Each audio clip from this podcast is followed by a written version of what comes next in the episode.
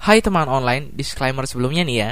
Podcast Ruang Tunggu terdapat konten yang bersih fiksi, diksi, diskusi, dedikasi, permisi, terima kasih, basa-basi, dan patah hati. Harap untuk menggunakan headphonemu untuk pengalaman yang jauh lebih menarik. Selamat datang di Podcast Ruang Tunggu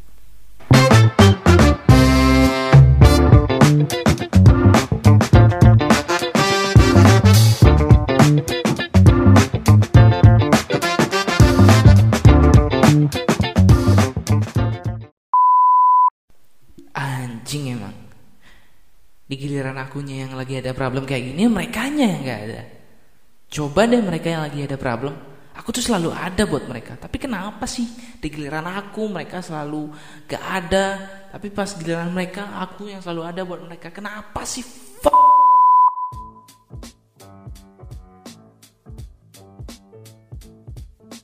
29 derajat Celcius Hari yang terik, hari yang panas, dan bikin berkeringat. Selamat datang kembali di podcast Ruang Tunggu.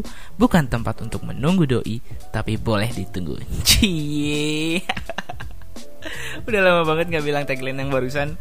Selamat datang kembali di podcast Ruang Tunggu teman-teman. Ya kali ini cuman ada aku aja Karena teman-temanku si Gali dan juga Krisna lagi sok sibuk jadi mereka nggak bisa ikut ngisi. Ya jadi dimaklumkan di episode kali ini cuman aku yang mengisi dan gak bakal kalah seru kayak episode episode episode sebelumnya. Aduh sampai mulut belibetan ngomong episode. Nggak bakal yang tentunya nggak bakal kalah seru kayak episode sebelumnya uh, kayak kita bertiga lagi komplitnya untuk ngisi podcast tapi bakal lebih seru sih kalau kita bertiga Oke, okay, anyway, aku kangen juga cuy bilang-bilang apa tuh tagline yang kayak tadi aku bilang itu cuy. Jadi kayak uh, itu tagline yang aku pak yang kita pakai season lalu. Aku sebut lagi karena gimana ya kangen juga, tapi karena kita udah masuk season baru, jadinya ya kita harus ada melakukan hal yang baru karena kadang-kadang um, kita nggak pernah tahu yang di depan yang baru itu akan lebih baik atau lebih buruk. Anjir nggak nggak gitu maksudnya. Cuman kangen aja kadang teringat masa lalu membuat kita semakin rindu. Anjir. Tidak tidak bermaksud seperti itu. Oke untuk episode kali ini kita pengen ngebahas tentang problematika pertemanan. Karena di sesi kita kan kita membahas tentang problematika pertemanan untuk sesi ini.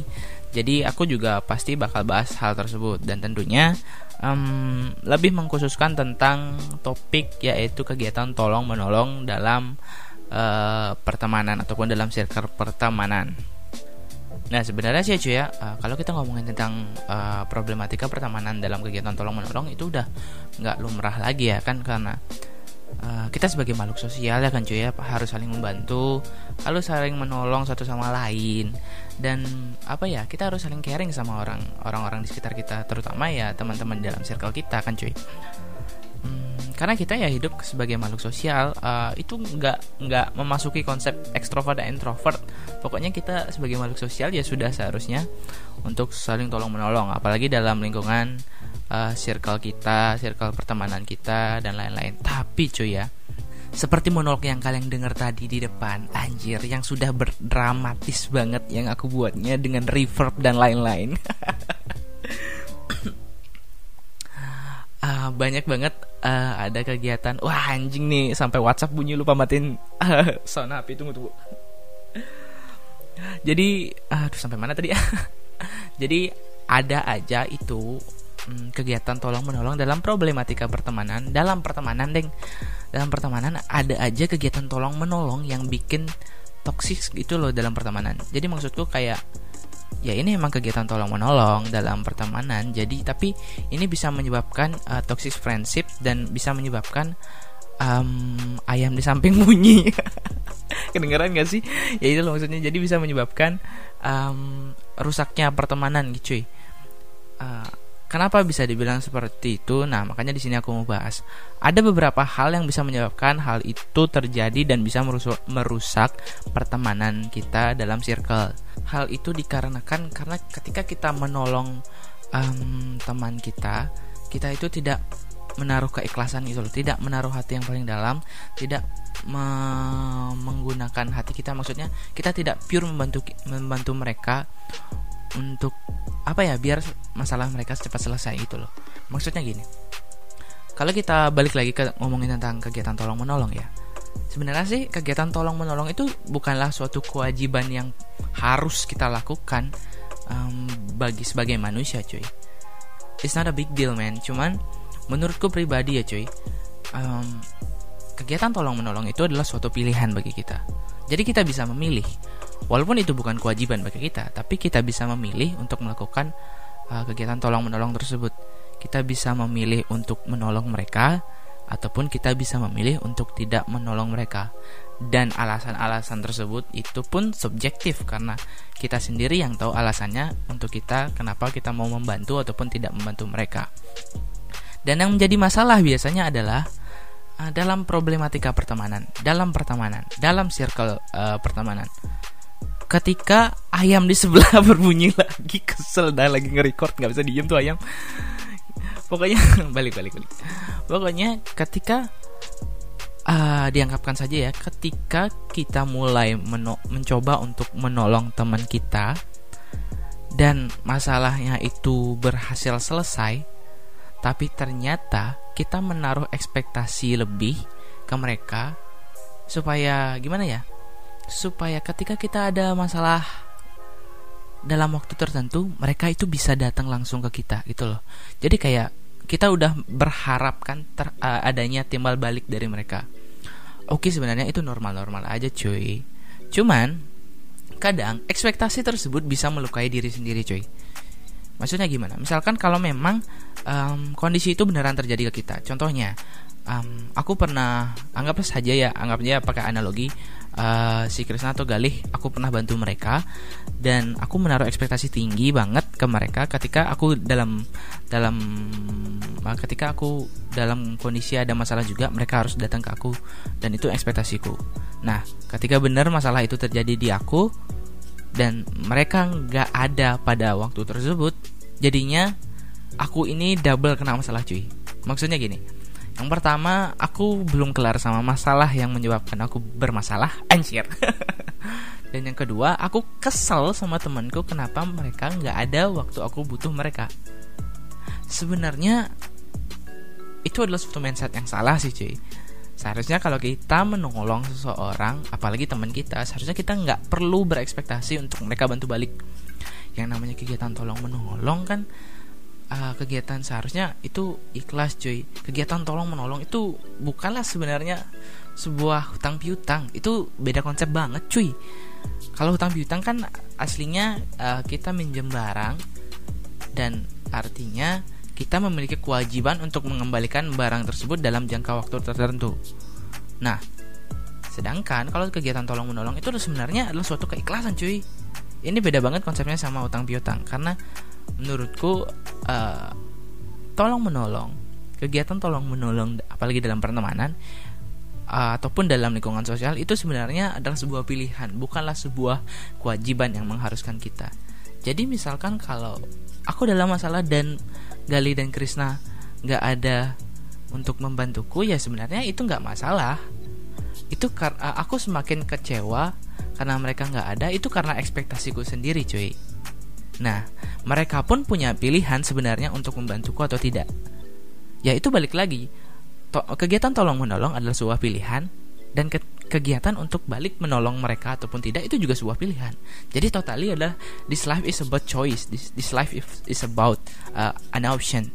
Kita punya pilihan untuk untuk apa ya? Untuk membantu seseorang dan juga kita punya pilihan untuk tidak membantu mereka.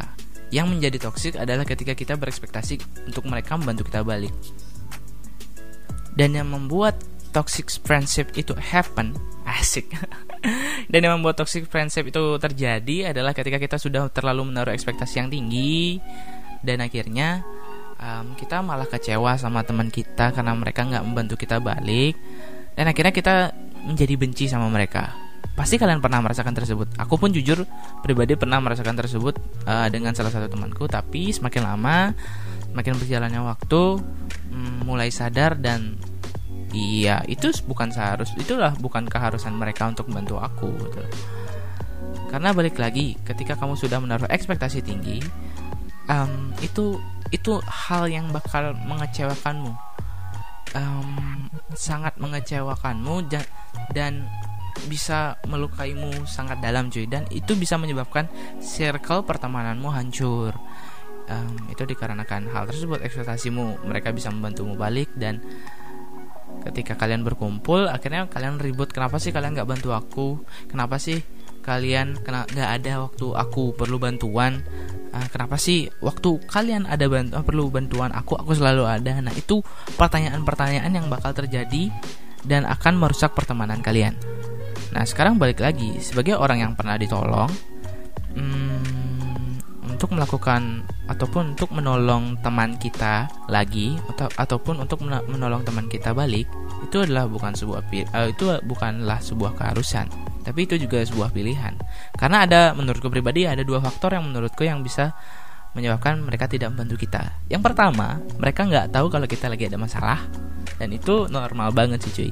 Dan yang kedua mereka tidak membantu kita karena mungkin mereka merasa eh, mereka tidak mampu untuk membantu kita.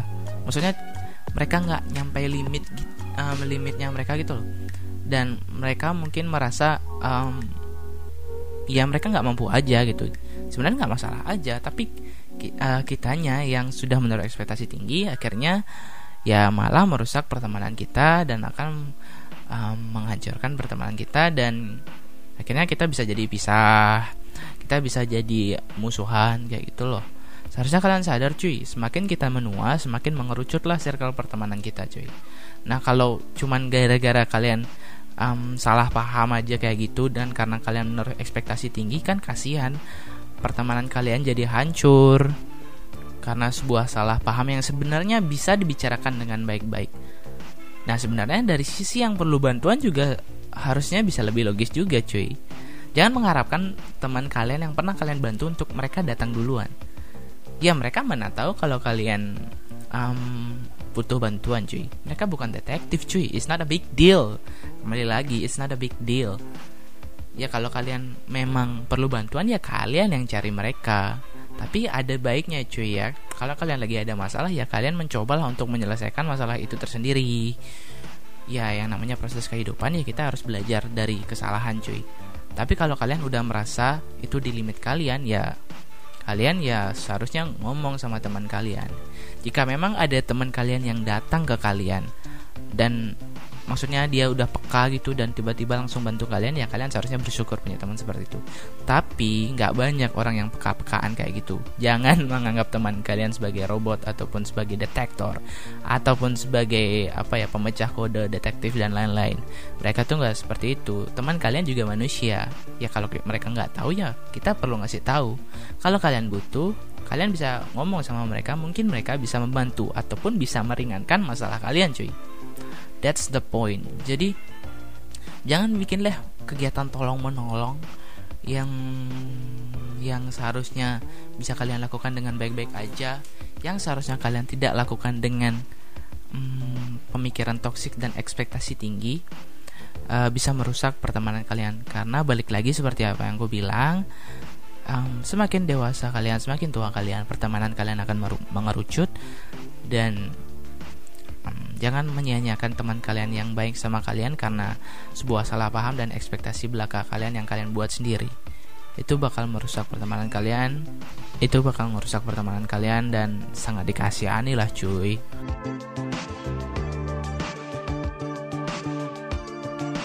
Nah, kalau kalian sempat buka uh, Instagram podcast Ruang Tunggu yang di @podcastruangtunggu dan jangan lupa di follow karena followersnya masih sedikit. sempat-sempat aja Mas Armali pokoknya kalau kalian sempat buka Instagram kita di podcast ruang tunggu sempat ada postingan yang berisikan ten, uh, berisikan quotes ah quotes berisikan caption tentang ekspektasi. Yang isinya itu kayak gini kira-kira.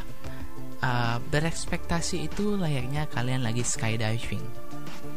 Kalau kesampaian ya parachute kalian kebuka jadinya kalian sweet landing. Kalau nggak kesampaian ya parachute kalian nggak kebuka. Ya kalian tahu kan apa yang terjadi setelahnya. Nah kayak gitulah kira-kira. Jadi sama aja cuy. Um, kayak kalian lagi skydiving. Walaupun aku juga nggak pernah ya cuy ya. Nah segitulah seperti itulah. Sebenarnya ini tentang ekspektasi karena kita semua tahu kalau kita berekspektasi berlebihan ya bisa menyakiti kita. Bukan tentang ekspektasi aja.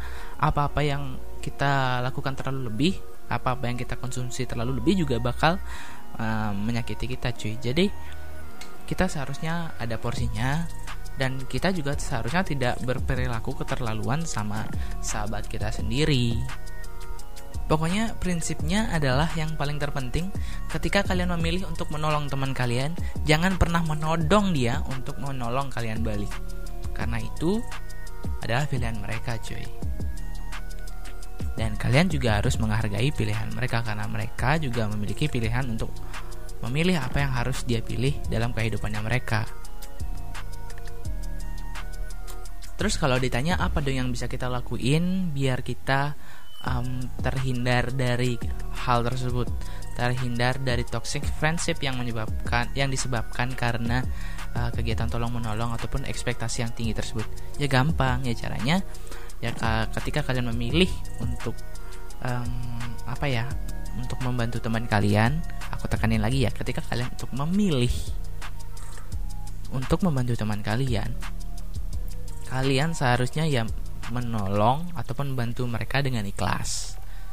Kalian um, menolong mereka atau membantu mereka tanpa berekspektasi untuk mereka bisa datang kembali ketika mereka kalian ada masalah. Tenang aja kok, teman yang baik itu nggak bakal ninggalin kalian kalau kalian lagi kesusahan. Mereka cuma butuh informasi dan ketika mereka mendapatkan informasi, mereka pasti bantu kalian cuy. Jadi jangan takut apa ya jangan gengsi untuk minta bantuan ke teman kalian kalau kalian emang lagi perlu dan apa ya jangan main kode-kodean lah sama teman kalian kalau kalian lagi perlu bantuan gitu karena balik lagi seperti apa yang aku bilang di awal your friend is not a superman man your friend is not a batman your friend is a human mereka juga manusia biasa, mereka bukanlah superhero, mereka bukanlah detektif yang bisa tahu segalanya, dan mereka bukanlah orang yang dibayar untuk melakukan hal tersebut. uh, jadi mereka butuh informasi tertentu, mereka butuh apa ya? Mereka butuh hal yang mereka ketahui dulu tentang kamu agar kamu bisa dibantu oleh mereka ataupun bisa ditemani oleh mereka. Ya pokoknya intinya jangan takut buat ngomong lah kalau kalian lagi bermasalah jaga erat teman kalian dan pokoknya tetap jaga chemistry kalian biar semakin membaik dan semakin erat dan kalian bisa punya temen yang serasa keluarga ya cuy kan itu seru banget cuy. Mereka selalu mengerti kita bagaimanapun kondisinya dan apa ya pokoknya paham kita kalau kita lagi kenapa kenapa kan seru ya cuy ya. Kayak kita punya saudara walaupun berbeda uh, berbeda darah gitu berbeda orang tua tapi ada orang yang paham kita selain pacar dan lain-lain. Karena juga pacar wah nggak nggak nggak selalu gini lah nggak nggak selalu bisa membantu lah. Tapi nggak semua lah aduh anyway uh, sulit juga ya ngomong sendirian gini nggak ada yang nanggepin. Biasanya si Krisna tuh motong gitu. Terus si Gali ngelawak dikit-dikit yang kadang-kadang nggak lucu gitu. Sekarang nggak ada yang motong nih nggak ada yang ngelawak tapi nggak lucu nih nggak ada yang kita ejek-ejekan nih. Emang brengsek tuh anak mereka berdua lagi sok-sok sibuk lagi. Nggak bisa nemenin buat podcast anjir lah. Mudah-mudahan minggu depan bisa kita balik lagi bertiga buat ngisi ya cuy ya But anyway, kalau kita balik lagi ke topik cuy ya. Um, ada beberapa hal yang ingin aku sampaikan sih sebelum kita tutup podcast ini. Ya walaupun bentar aja.